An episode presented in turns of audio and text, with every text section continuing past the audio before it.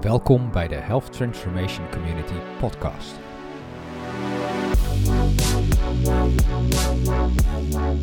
If we don't have a clear understanding on how the innovation will be used, by whom, when, and how, and make the use that simple, failure of remodeling is around the corner.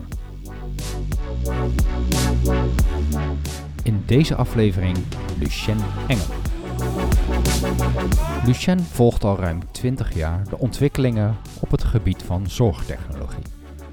Wat zijn zijn strategische overwegingen ten opzichte van zorgtechnologie en transformatie? There are many, many parts to innovation, especially to healthcare innovation. We have pharmaceutical innovation, innovation for medical instruments, interventions, other treatment options, or digital health, and many, many others.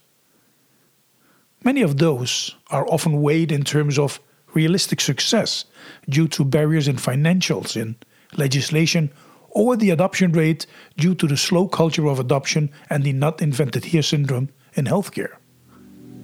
And although all of those are true, some more than others, I think the actual problem sits in a different corner the user interface, how things work, and the user experience, how things are perceived.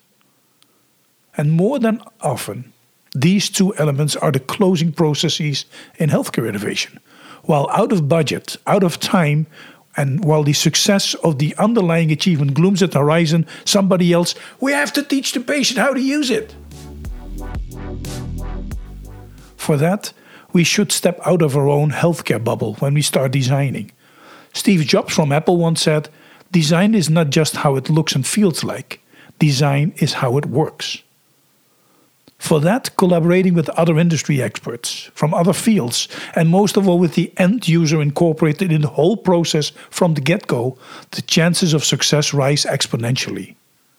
For healthcare, next to design thinkers, this should incorporate also behavioral scientists or experts, but also people from retail who understand the way of communicating with their targeted group in one liners, in easy processes, and in changing their behavior.